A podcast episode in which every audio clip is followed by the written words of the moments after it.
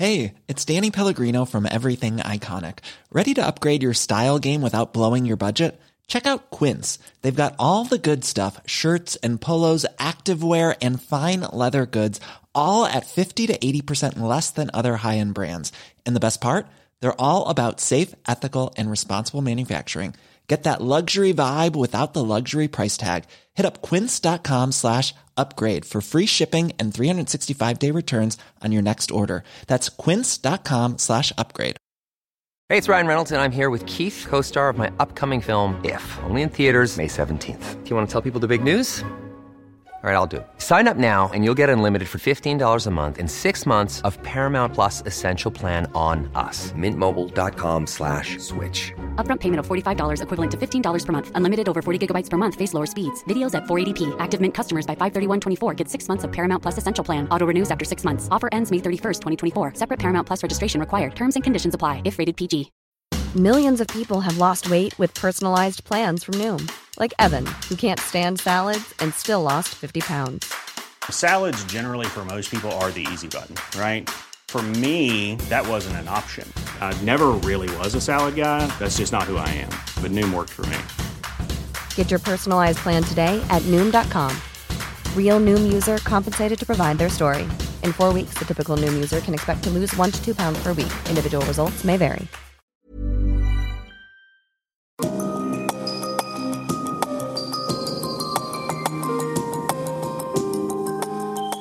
Lytter til podkast fra Oslo Militære Samfunn. Besøk vår hjemmeside oslomildsamfunn.no, og se oss også på Facebook, Twitter og LinkedIn. Admiraler, generaler, mine damer og herrer. Hjertelig velkommen til kveldens foredrag, Oslo Militært Samfunn. Kveldens foredragsholder er sjef Sjøforsvaret, kontreadmiral Lars Saunes. Og det er jo faktisk opptil flere av oss her som har seilt ubåt sammen med sjef Sjøforsvaret. Det er hyggelig. Sjøforsvaret har gått inn i endring og omstilling med krumhals, og virkelig tatt på alvor å få personellet fra stillinger i administrasjon og støtte, og for å kunne styrke den operative enden. Vi ser fram til Høyre om status på dette, om utfordringene du ser for deg i Sjøforsvaret, kontreadmiral. Vær så god, talerstolen er din. Utover det så hadde jeg ikke tenkt å presentere admiralen. Jeg antar at dere kjenner han, og det er derfor dere er her. Takk skal du ha. Kjære forsvarsvenner. Det er en stor glede å få lov å presentere status og utfordring i Sjøforsvaret. Et sjøforsvar som er i operasjoner, eller som forbereder seg til operasjoner. Vi har vært gjennom noen hektiske år i Sjøforsvaret. Og vi har gjennomført kanskje en av ja, de største omstillingene i Sjøforsvaret i nyere tid. Ny langtidsplan er vedtatt, og den er i samsvar med de prioriteringer som vi har utvikla i det vi kaller Sjøforsvarets strategiske konsept 2016-40. I foredraget i dag vil jeg begynne med å gi en liten status. Så vil jeg si noe om de utfordringene som jeg ser fremover innenfor langtidsplanens perspektiv, som jeg vurderer som er viktige for Sjøforsvaret. Før jeg retter blikket fremover mot 2040, for å si noe om den utviklinga som jeg tror er nødvendig for at vi også i fremtiden skal ha et troverdig og ikke minst relevant sjøforsvar. Sjøforsvaret skal bidra til Forsvarets krigsforebyggende rolle og krisehåndtering gjennom evne til å avgrense militære angrep, sikre mottak av allierte styrker og ved behov gjenopprette territoriell integritet sammen med våre Nato-allierte. Hovedoppgaven til Sjøforsvaret er å bidra til en nødvendig grad av sjøkontroll og sjønektelse i hele konfliktspekteret. Norge har omfattende ansvarsområder og interesse til havs, det tror jeg de fleste er kjent med. Og Sjøforsvaret har en sentral rolle i suverenitetshevdelse og myndighetsutøvelse i områder som Norge har råderett over. Det er faktisk vi som er Natos maritime styrke på nordflanken, for å sitere ministeren i går. Sjøforsvaret består nå av to hovedvåpen. Kystvakten og Marinen. Og jeg må bare si at det er en stor glede at vi har fått innført Marinen i Sjøforsvaret igjen. og, og, det er jo Sammen så bidrar de til å ivareta våre nasjonale interesser som en maritim nasjon. En arktisk nasjon med globale maritime interesser. La meg begynne med det viktigste. Sjøforsvaret møter den usikkerheten som nå preger den globale sikkerhetssituasjonen, med flere seilende fartøy på et høyere operativt nivå enn på lenge.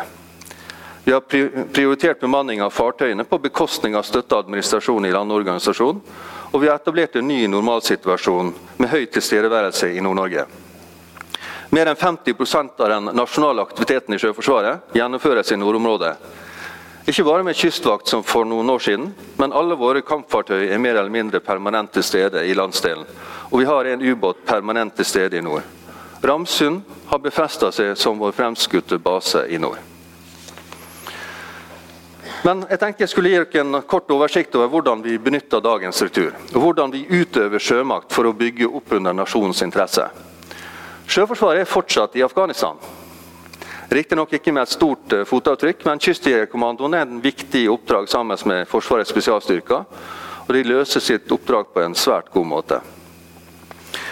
Sammen med politiet bemanner vi også Siem Pilot, som er en Frontex-operasjon ledet av politiet. Hensikten er å ivareta forsvarlig Schengen grensekontroll. Dette er en av vår tids aller største humanitære katastrofer, og en flyktningstrøm som utfordrer Europa på veldig mange måter. På ett og et halvt år har fartøyet plukka opp over 30 000 eh, flyktninger. Dessverre 96 døde. Det er et ekstremt krevende oppdrag, og personellet fortjener all den rosen de får. Vår deltakelse med Siem Pilot har vist at et lite styrkebidrag har en stor effekt. Samtidig er det et synlig bevis på at vi anerkjenner våre sydlige alliertes utfordringer i sine lokale farvann. Akkurat nå er KNM Roald Amundsen flaggskip i en av Natos stående maritime styrker, og som er også Natos reaksjonsstyrke VGTF. Det betyr at den norske styrkesjefen og den taktiske Nato-staben er markert fartøyet og leder fra front. Norsk deltakelse i disse styrkene er svært viktig for en småstat som Norge.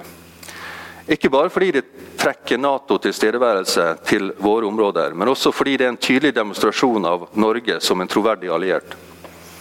Å stille med styrkesjef og flaggskip i et helt år blir naturligvis satt stor pris på både i Natos maritime kommando i London men er også en oppfølging av Norges forpliktelser til å etablere VGTF-reaksjonsstyrker i Nato. I tillegg til å lede fregattstyrken deltar vi med minerydder i en av Natos to stående minerydderstyrker, og Norge har ved flere anledninger også ledet denne styrken. Som jeg nevnte innledningsvis, har vi nå en tydelig tilstedeværelse i Nord-Norge. Alle Sjøforsvarets enheter som ikke er inne til hovedvedlikehold, er bemannet og seiler. Gjennom de årlige bevilgningene har vi nå et avstemt budsjett som ivaretar vedlikehold av strukturen, og langtidsplanen legger til rette for at grunnmuren i Sjøforsvaret styrkes. Sett fra mitt ståsted er det behov for å øke aktiviteten og fortsette oppbemanningen om vi skal oppnå et stående sjøforsvar med god kvalitet i 2020. Omstillinga i Sjøforsvaret starter allerede i 2015. Og Ekstrabevilgningene til vedlikehold og til økt ubåttilstedeværelse i Nord-Norge har allerede gitt meget god effekt. Under øverste Flottex eh, i Nord-Norge høsten 2016 seilte Sjøforsvaret hele strukturen for første gang, uten alvorlige defekter. Ula-klassen er nå i sluttfasen av sin tekniske oppgradering og begynner nå å bli tilgjengelig for operasjoner. Det har ikke vi hatt på veldig mange år. Vi har i dag fire besetninger, og vår plan er å innføre en tobesetningssystem på våre ubåter. Vi seiler nå tre av seks undervannsbåter, og det vil nok være ambisjonsnivået frem til 2028, når ny ubåtklasse er på plass. Jeg er veldig godt fornøyd med at regjeringa har besluttet et strategisk samarbeid med Tyskland om bygging av en felles 212 ubåtklasse. Dette var et strategisk viktig valg som medfører at den tyske og norske marine vil styrke sine relasjoner, ikke bare gjennom ubåtsamarbeid, men også ved at norsk sjømålsmissil blir hovedvåpen i den tyske marine.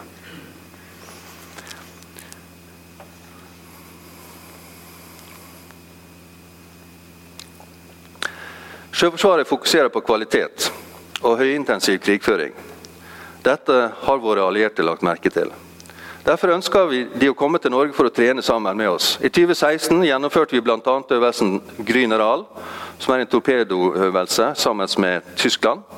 I tillegg hadde vi på forsommeren flere flernasjonale skyteøvelser i området rundt Andøya. Der det ble skutt med NSM, standardmissil, ESSM, Harpoon, Stingray-torpedo og artilleri i taktiske scenario med en rekke deltakende nasjoner.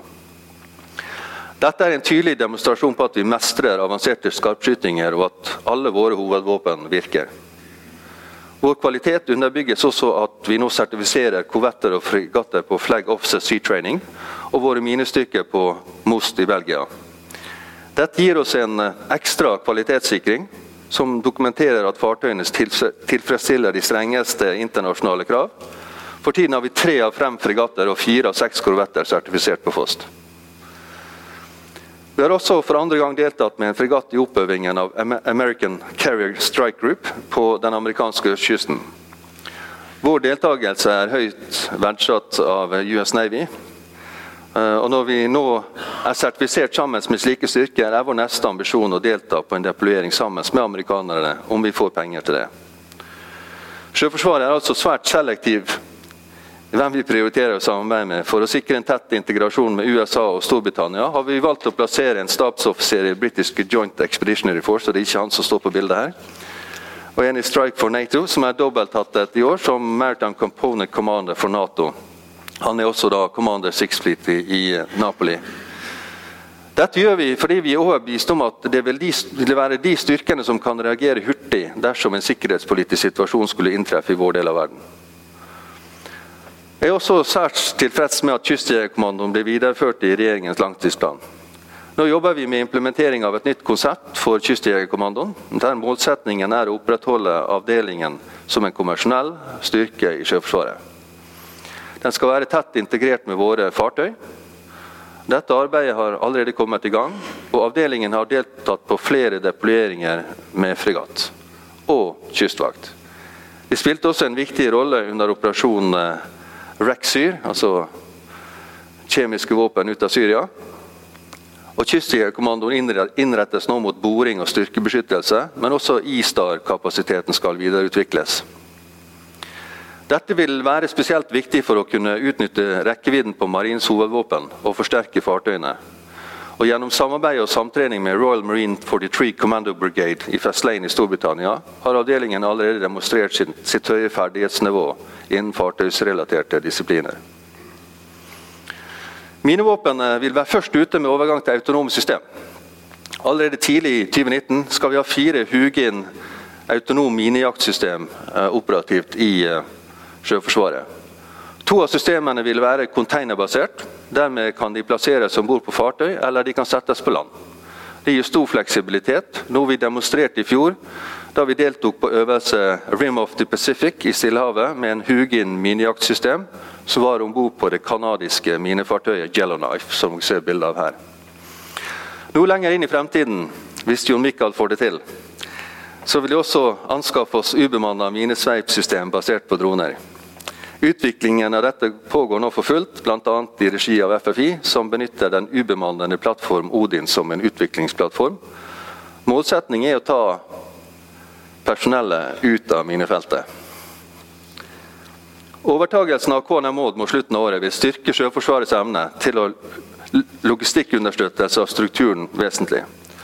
For å maksimere utnyttelsen av fartøyet kreves et helt nytt logistikkonsept for Sjøforsvaret. I tillegg til eh, KNM Odd vil også KNM Olav Tryggvason og Magnus Lagerbøte inngå i dette konseptet. En suksessfaktor vil være å sikre en hensiktsmessig og effektiv kommando og kontroll over den forsterkende logistikken i operasjonsområdet.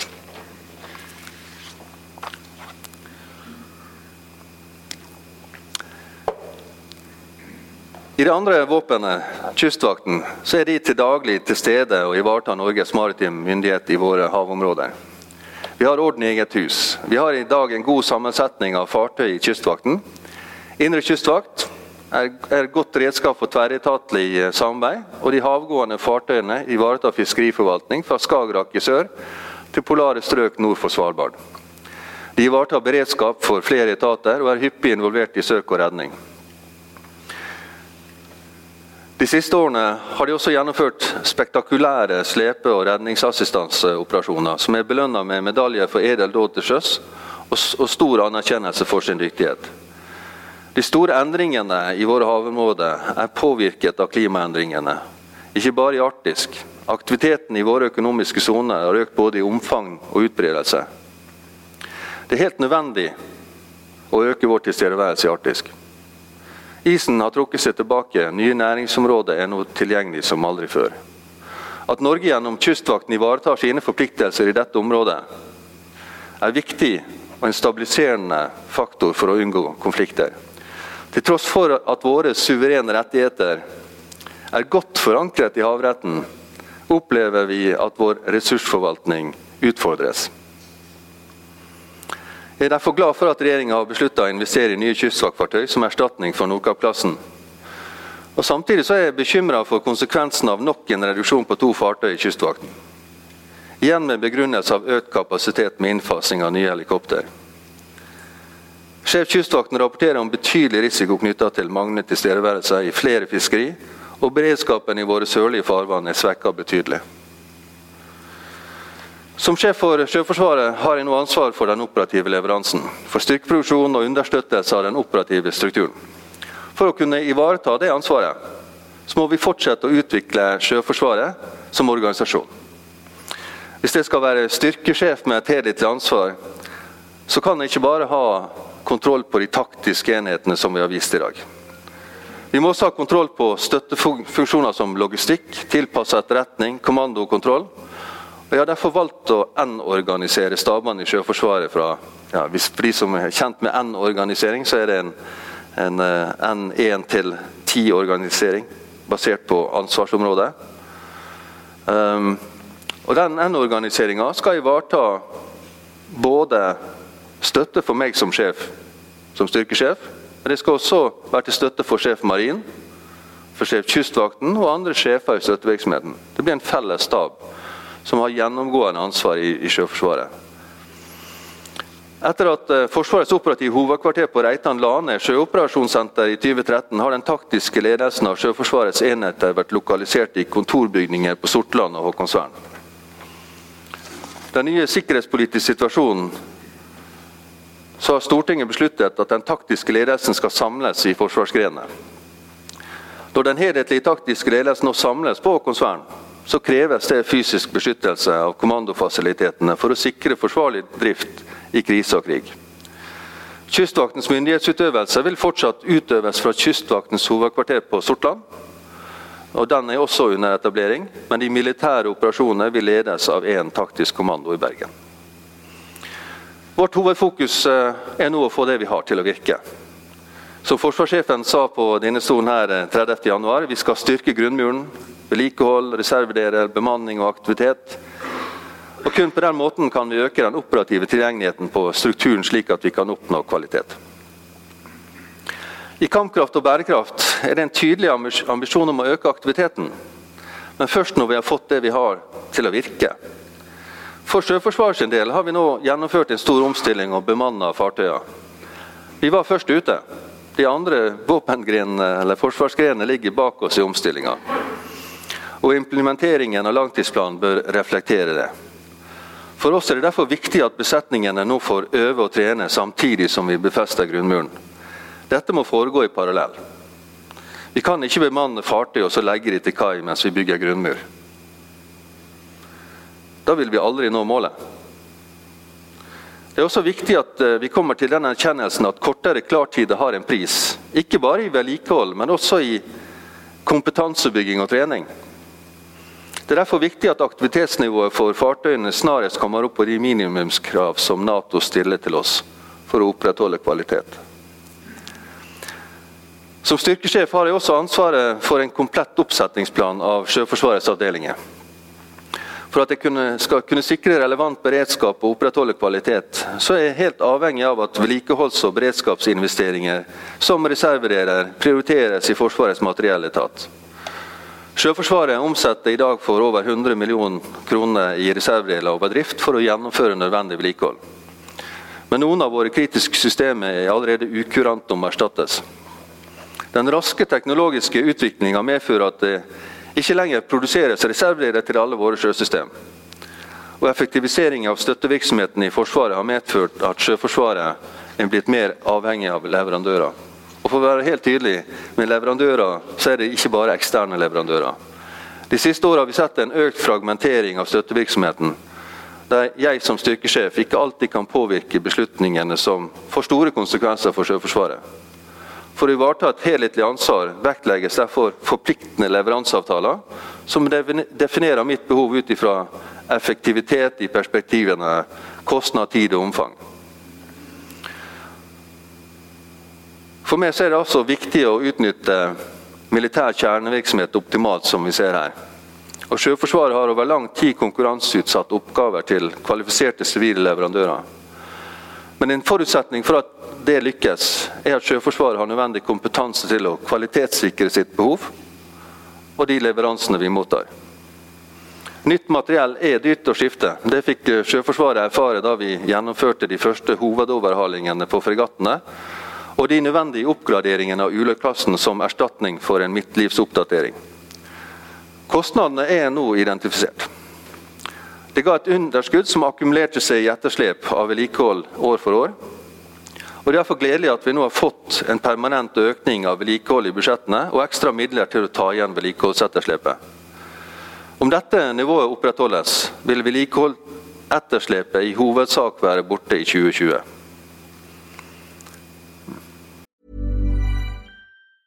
Hey, it's Ryan Reynolds, and I'm here with Keith, co star of my upcoming film, If, only in theaters, May 17th. Do you want to tell people the big news? All right, I'll do it. Sign up now and you'll get unlimited for $15 a month in six months of Paramount Plus Essential Plan on us. Mintmobile.com slash switch. Upfront payment of $45 equivalent to $15 per month. Unlimited over 40 gigabytes per month. Face lower speeds. Videos at 480p. Active Mint customers by 531.24 get six months of Paramount Plus Essential Plan. Auto renews after six months. Offer ends May 31st, 2024. Separate Paramount Plus registration required. Terms and conditions apply if rated PG. Millions of people have lost weight with personalized plans from Noom, like Evan, who can't stand salads and still lost 50 pounds. Salads, generally, for most people, are the easy button, right? For me, that wasn't an option. I never really was a salad guy. That's just not who I am. But Noom worked for me. Get your personalized plan today at Noom.com. Real Noom user compensated to provide their story. In four weeks, the typical Noom user can expect to lose one to two pounds per week. Individual results may vary.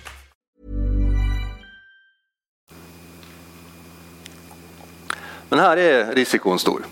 Vedlikehold av moderne fartøy innebærer betydelig investering i nytt utstyr ettersom systemet blir ukurant. Vi kan altså ikke bytte ut enkeltkomponenter i en skute som dette. Vi må investere i nye delsystem. Der er 40 000 system på en sånn skute. Og som er tett integrert med andre system. Det sier seg selv at det er komplekst og dyrt, og at synkronisering av vedlikeholdsinvesteringer må være integrert med driften av systemene. Sjøforsvaret er i dag helt avhengig av at Forsvarets materielletat opprettholder kvaliteten på våre kampavdelinger, og oppgraderingsprosjekter iverksettes i tide. Sjøforsvaret har de siste årene fått redusert sin materiellportefølje langt under det nivået som kreves for å opprettholde nødvendig kvalitet. Vi risikerer å måtte klare oss uten viktige våpensystem i lange perioder. Grunnmuren vil altså svikte igjen. Her er det viktig for meg å presisere at det er faktisk godkjent prosjekt og satt av tilstrekkelige midler i de ulike prosjektene, men dessverre så blir kun en brøkdel omsatt.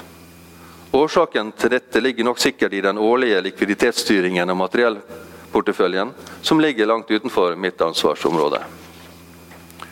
Tidligere var jo generalinspektøren også gjennomføringsansvarlig for investeringsprosjektene, og investeringsstaben i FLO var prosjektansvarlig for fremskaffelsen. I dag ligger ansvaret for investering i Forsvarets materielletat, og vi som styrkesjefer er brukerrepresentanter som skal fremme våre behov og krav til kapasiteter til Forsvarsstaben. Forsvarssjefen er brukeransvarlig og bestiller hos Forsvarets materielletat.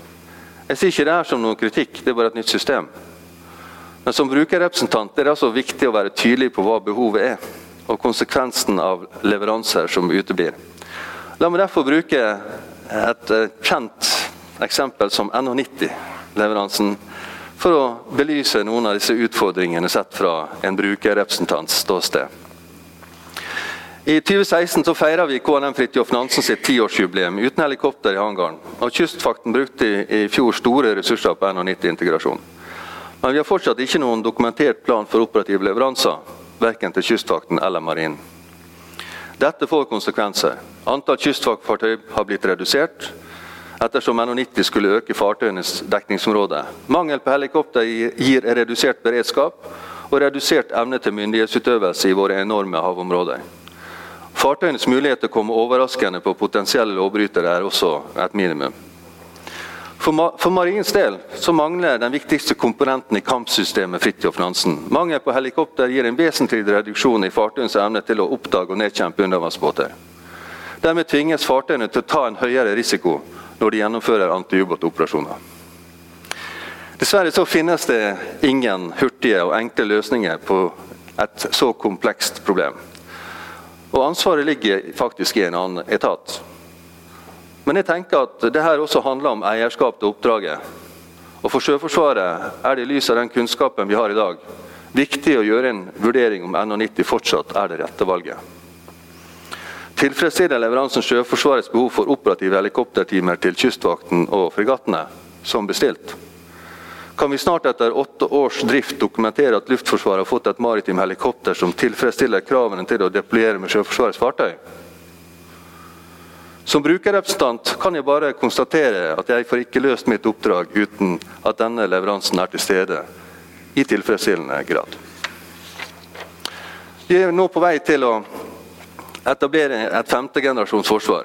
Det innebærer bl.a. at sensorer og effektorer knyttes sammen på en ny måte. Alt blir tettere integrert. Og tradisjonelle skiller mellom forsvarsgrenene viskes ut. Våre korvetter og fregatter er på mange måter allerede i denne femtegenerasjonstanken. Men vi må nå fokusere på å knytte faktisk forsvarsgrenene tettere sammen. Ser vi bare noen år inn i fremtiden, så vil vi finne en stadig større andel bemanna og ubemanna system som virker på tvers av forsvarsgrenene. Eksempel er jo F-35 og P-8, men jeg er helt sikker på at det kommer droner både under vann, på vann og i luften òg. Og det er nå beslutta å samle all profesjonsutdanning under Forsvarets høgskole. Som sjef Sjøforsvaret er jeg opptatt av at skolene produserer offiserer og spesialister med god maritim krigføringskompetanse, slik at de kan gå rett om bord på fartøy og raskest mulig bli klarert i stilling. Derfor må besetningen ha en solid maritim profesjonsutdanning som grunnlag. Sammenslåing av skolene åpner også opp for mulighet til å etablere en ny generasjon offiserer og spesialister som ser helheter på tvers av, av våpengrenene. Men jeg håper at fokus også i fremtiden vil være på den grunnleggende profesjonsutdanninga. Ved å øke forståelsen for fellesoperasjoner på det taktiske nivå, kan vi sikre at vi i fremtiden blir i stand til å knytte sammen vårt femte generasjons forsvar på en mer effektiv måte. For å sikre at vi også i fremtiden skal være i stand til å være i front innenfor teknologisk utnyttelse, må vi også etablere et tettere samarbeid med utdanningsinstitusjoner som NTNU, universitets- og forskningsmiljø.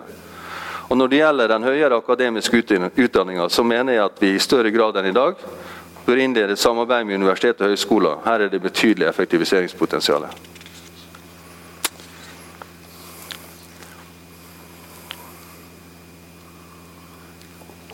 Både forsvarsministeren og forsvarssjefen har nylig presentert sikkerhetspolitisk situasjon svært presis fra denne talerstolen.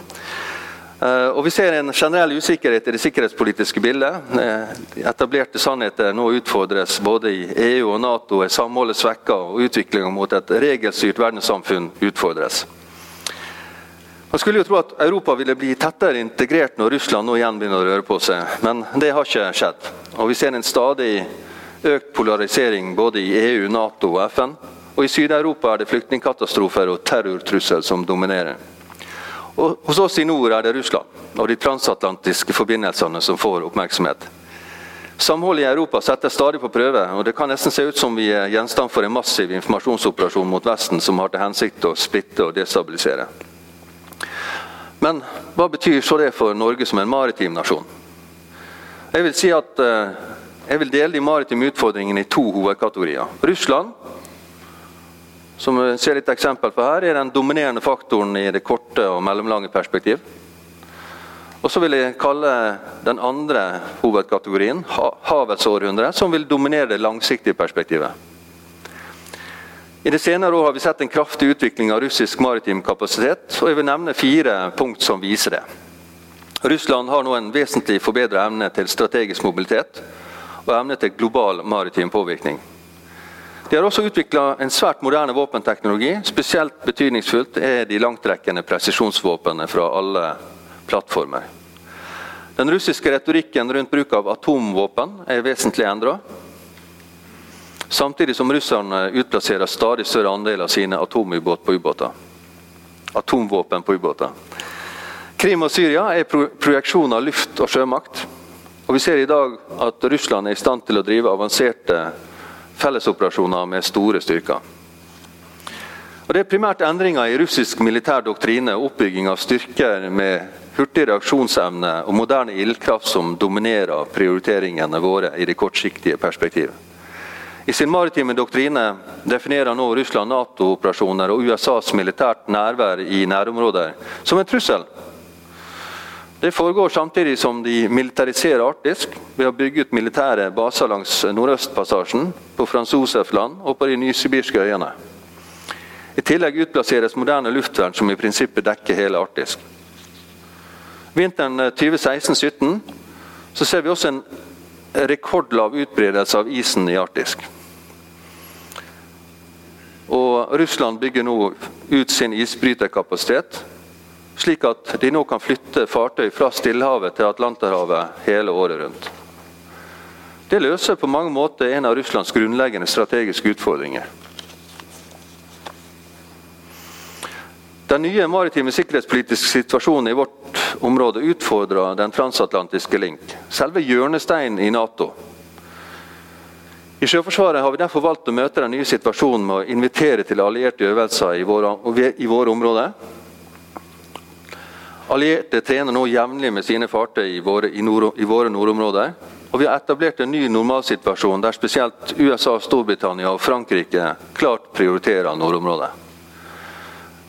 Det bidrar til å heve terskelen for bruk av militær makt og sikrer at Natos nordflanke er på agendaen i flere hovedsteder. Men til tross for at vårt forhold til Russland har vært gjennom en betydelig endring, så er fortsatt vurderingen at Russland ikke er en direkte trussel mot Norge. Vi samarbeider godt med Russland innen flere områder, til tross for det militære samarbeidet som har opphørt så har vi fortsatt et velfungerende samarbeid innenfor ressursforvaltning, søk og redning. Et samarbeid som i hovedsak forvaltes av Kystvakten og Forsvarets operative hovedkvarter. I 2030 så vil jordens befolkning passere 8 milliarder. Det kommer vi sikkert til å feire. En økende befolkning med stadig høyere materielle krav behøver tilgang til ressurser som mat, metaller, energi. Alt dette er ressurser som vi finner i havet. Men vi ser også at eh, ny teknologi implementeres med eksponentielt økende hastighet. Og Den teknologien gjør det altså mulig å få tilgang på ressursene i vannsøyla, på og under havbunnen, i større grad enn i dag.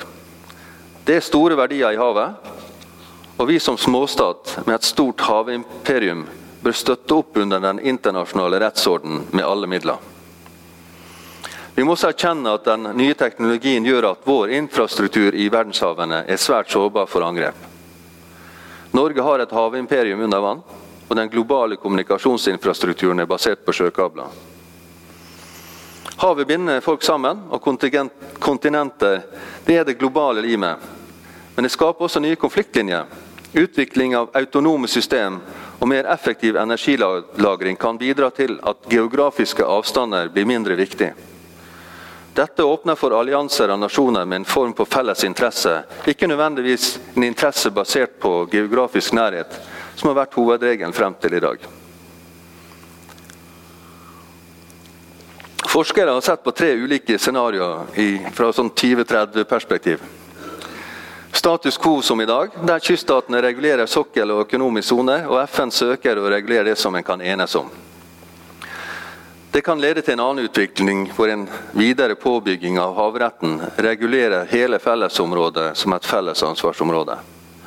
Men det er også en tredje og sannsynligvis mer farlig utvikling. Det er hvor nasjoner og stormakter som konkurrerer om ressurser, slik som vi ser i Sør-Kina-havet Sør i dag.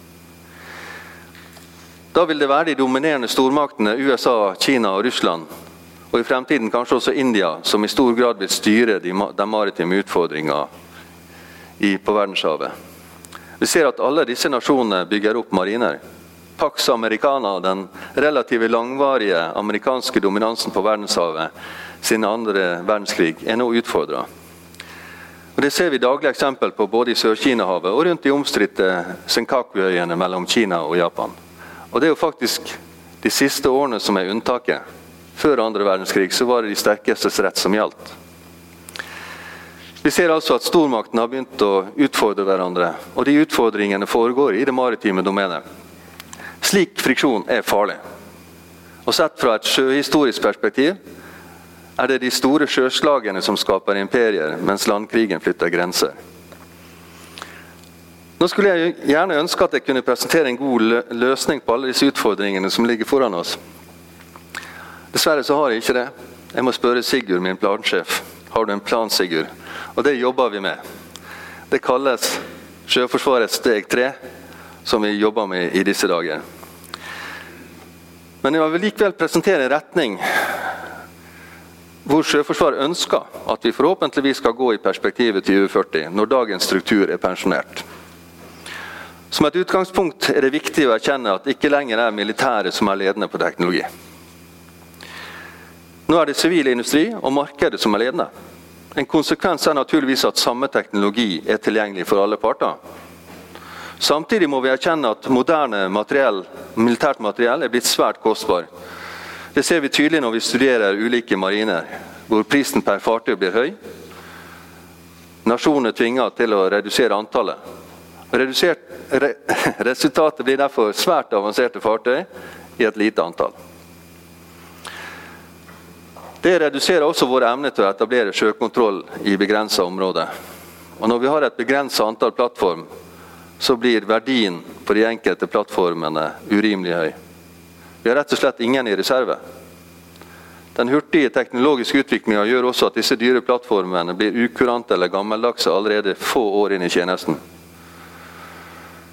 Så hvordan kan vi så bryte den spiralen? Med stadig dyrere og mer komplekse fartøy i et stadig lavere antall. Vi mener at vi må tilnærme oss eh, problemstillinga kanskje på en ny måte. Og stille oss spørsmålet hvordan kan vi gjøre det vanskeligere for fienden på en billigere måte? Mye av svaret på det ligger nok i implementering av enda mer eh, teknologi. Den eksponentielle teknologiske utviklinga gjør at vi i dag kan gjøre ting vi ikke engang hadde fantasi til å tenke for få år siden. Heldigvis så har vi sterke fagmiljøer i Norge, og vi er verdensledende på maritim teknologi. Og jeg mener at vi nå må samle nasjonens klokeste hoder for å utvikle den teknologien som kreves i fremtiden. Og Da mener jeg ikke å utvikle nye Eh, plattformen basert på de eksisterende, men kanskje tørre å tenke nytt. Ha fokuset på effekt og ikke plattform. I fremtidens sjøslag vil rekkevidde på sensorer og effektorer være betraktelig lengre og mer presis enn i dag.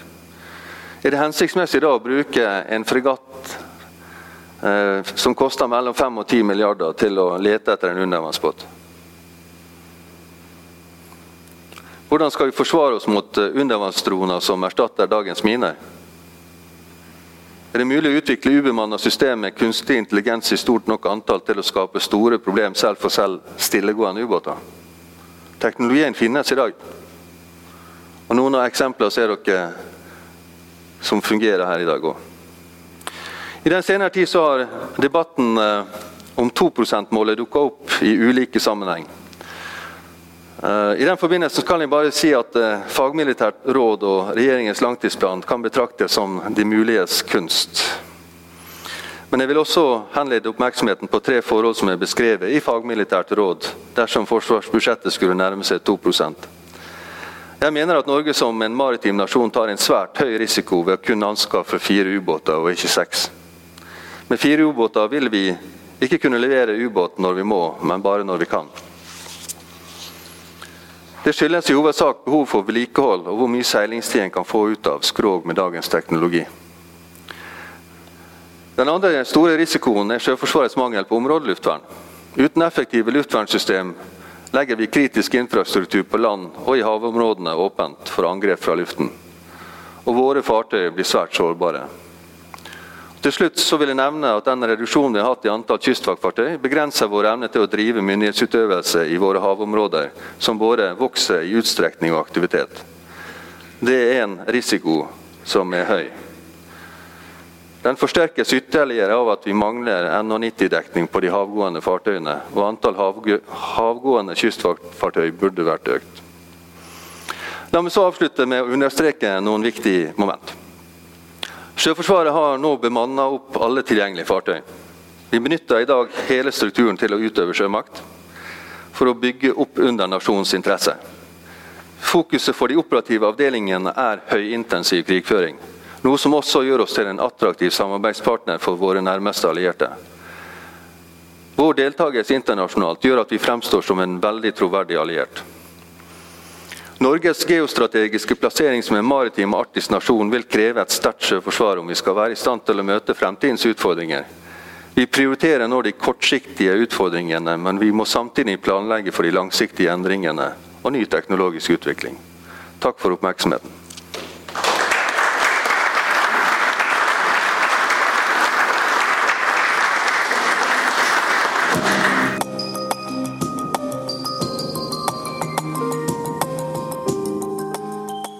Du har hørt podkast fra Oslo Militære Samfunn. Besøk vår hjemmeside oslomildsamfunn.no, og besøk oss gjerne på sosiale medier som Facebook, Twitter og LinkedIn.